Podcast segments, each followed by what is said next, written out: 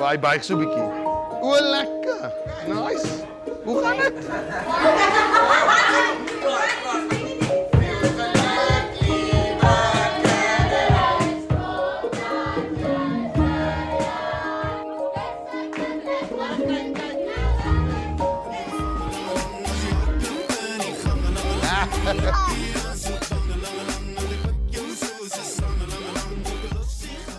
Dico van Eden. Dico, jy's die bestuurder hier by die SA Kinderhuis. So daar's 'n hele geskiedenis rondom die kinderhuis en eintlik is die kinderhuis 215 jaar oud. Maar verduidelik gou want baie mense raak te mekaar en hulle dink dis 208 jaar. So wat wat gebeur het is mevrou Moller was by by die Grote Kerk betrokke geweest en sy het op daar in 1808 het sy gevoel sy wil 'n uh, 'n huis vir ehm um, die kinders in die omgewing wat op straat is op daai stadium of ongehuurde moeders wil sy 'n huis begin. En sy het toe gaan geld soek sy het gaan geld soek by die kerk en sy het gaan geld soek en op die einde van die dag het die, die gouverneur van daai tyd besluit daai het gegeld en hulle toe begin bou aan die kinderhuis en 'n area in wat nou Langstraat is. Daarso is 'n area eers eenkant gesit en dit was waar die oorspronklike kinderhuis toe was. Maar ongelukkig is mevrou Moller nog sy was oorlede voordat hulle begin het met die kinderhuis nogals. So sy het nooit regtig kon sien wat gebeur het nie. Maar die oorspronklike kinderhuis het gesit in Langstraat en toe in 1923 het hulle hierdie uh, waar ons nou heidaglik sit, het hulle dit gekry en toe het hulle nuwe kinderhuis gebou en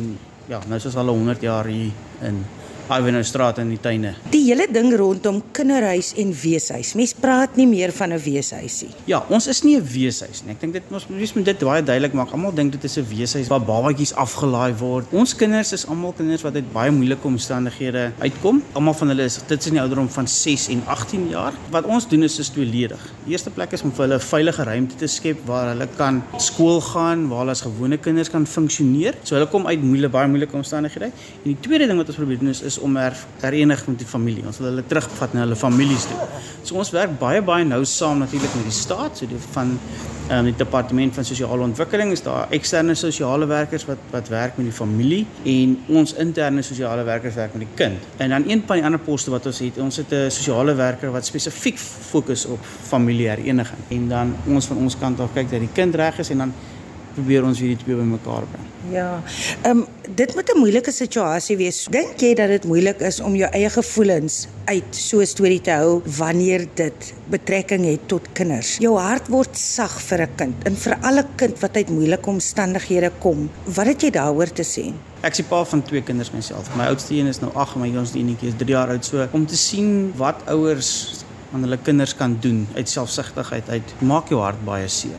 Dit is moeilik om om objektief daarna te kyk. Maar vir ons gaan dit uit en uit uit die kind se oogpunt uit en dat elke kind het die reg om kind te wees as ek dit so kan. Die meeste van ons kinders wat hier kom kom met verskriklike trauma. Hulle het nie daai naïwiteit wat ander kinders het wat my kinders gaan hê nie. Byvoorbeeld, hulle is baie keer jare voor hulle self met wat hulle al ervaar het in hulle lewe en daai trauma impakteer elke aspek van wat hulle het. Mense, jy het kinders van 6, 7 jaar oud wat in 'n klas sit en sukkel op skool omdat daar soveel trauma is wat hulle weerhou om actually vorentoe te kan beweeg.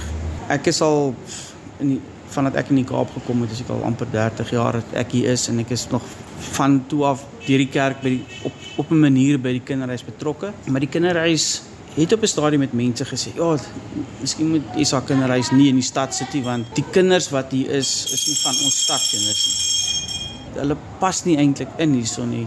Is is baie keer gesê, mense het 'n verantwoordelikheid. Daar is soveel kinders daar buite wat nood het om vir hulle 'n plek te gee hier waar ons nou is. Die mense daar buite, die die gemeenskap op hierdie stadium. En ek praat van die gemeenskap in die stad rondom die kinderhuis. Het weer van voor af begin betrokke raak mense vra vra. Mense so netjies hoekom is dit? En en, en en en mense is nie opgevoed want baie soos jy sê baie mense dink dit is 'n weeshuis. Dis 'n weeshuis waar kinders afgelaai is en hulle gaan nie wees tot hulle 18 19 jaar oud is en dan gaan hulle die pad vat. Wat nie die geval is nie want wat dit is nie wat ons is nie. Ons verantwoordelikheid is, is om kinders se trauma te hanteer om hulle deur die skool te kry en in parallel daarmee om die kinders weer terug te kry by hulle families. Ons het laas jaar of in die, in die laaste jaar is die agt kinders uit die huis uit waarvan 4 terug is na hulle families toe. Wat weer plek maak vir ander kinders wat nodig is om in te kom. Is julle reëls besonder streng? Jy moet, jy kan nie al die kinders dieselfde hanteer nie. So ons is besig en, en gereeld besig om ons um, personeel deur opleiding te stuur oor hoe om spesifieke modes te hanteer waarin kinders is dat jy jou een kind se mode en 'n ander kind se mode kan mag dalk dieselfde lyk like, maar die agtergrond is verskillend. So die rede vir daai mode is dat jy dit begin verstaan en dat jy nie net al die kinders op dieselfde hanteer nie, maar ons is 44 kinders in die huis, so jy moet maar streng reëls hê vir al ehm um, anders dan gaan dit chaos raak. Soos wat jy met jou kinders gaan gesels, as hy 'n rede gee maar hy sien hulle is vir eet nie, dan gaan jy van vra, wat is die rede daagte? Dan moet tog 'n rede wees hoekom jy nie nou wil kom eet nie. En jy gaan nie 'n kind forceer om te kom eet nie. Reëls is reëls. Daar's sekere badtye, daar's sekere studietye. Ehm um, as hulle van die skool af kom, moet hulle 'n sekere tyd hier wees. Daar is vaste reëls. Wat is julle uitdagings? Wat het julle nog nodig? Wat is jou drome vir hierdie plek? Jy weet, ehm um, want daar moet uitdagings wees. Hoe bly julle aan die gang? Omtrent 'n derde van ons befondsing kom van die staat af. So befondsing is maar altyd 'n groot challenge as ek die woord kan gebruik. En ons moet maar gedurig deur gaan aansoek doen vir fondse om dit te kan regkry. My agtergrond is 'n operasionele agtergrond. So ek pak die situasie van daardie kant af aan en ons het in die laaste jaar baie projekte geïdentifiseer. So ons het um, ons het al die kamers oorgedoen, ons het die badkamers oorgedoen, ons het buitekant van die plek op sekere areas het ons klein projekte geïdentifiseer en dan wat ons gedoen het is ons het spesifiek vir daai projekte gaan fondse soek. En baie keer wil mense gee hulle sê eers kom ons kry kos op die tafel vir die kinders, dis eers 'n prioriteit, maar ander mense sê ook ek het 'n as jy 'n projek het en jy sê vir my projek kos, dan gee ek vir die geld dan kan mense sien daar is daadwerklik iets wat gebeur. Lewenskoste gaan op, petrol, elektrisiteit, al daai goed gaan heeltyd op. So kostes aan een kant, aan die ander kant is dit die opvoeding van die kinders. Daar moet 16 verskillende skole op hierdie stadium waartoe ons kinders gaan. Omrede hulle verskillende tye van die jaar inkom en jy moet hulle plaas waar hulle waar hulle plek kry. So nou het jy 'n span van ehm um, kinderversorgers wat daai kinders in die middag moet help met huiswerk. En en en ek bedoel as jy een kinderversorger het vir 8 seentjies van 6 jaar oud, sy kan nie aan hulle almal se aandag gee nie. Van 'n opvoedkundige oogpunt af wil ons baie meer daadwerklik begin werk, veral van graad 1, 2 en 3. Dit is ons plan vir die volgende jaar um, om seker te maak dat almal op 'n goeie vlak is as hulle uit graad 3 uitstap. Veral om te lees en te skryf en wiskunde te kan doen. Dat ons daai basiese beginsels vas lê. Van 'n terapie oogpunt af kry ons baie baie ondersteuning op hierdie stadium van die skole um, en van die gemeenskap. Ons het 'n baie baie uiteenlopende beheerraad. Ons sê right as dit wil doen, dan spreek ons dit aan en ons go. Ek wil net gou vir jou vra voordat ek vir jou vra oor jou drome, jou drome vir hierdie plek en vir elke kind.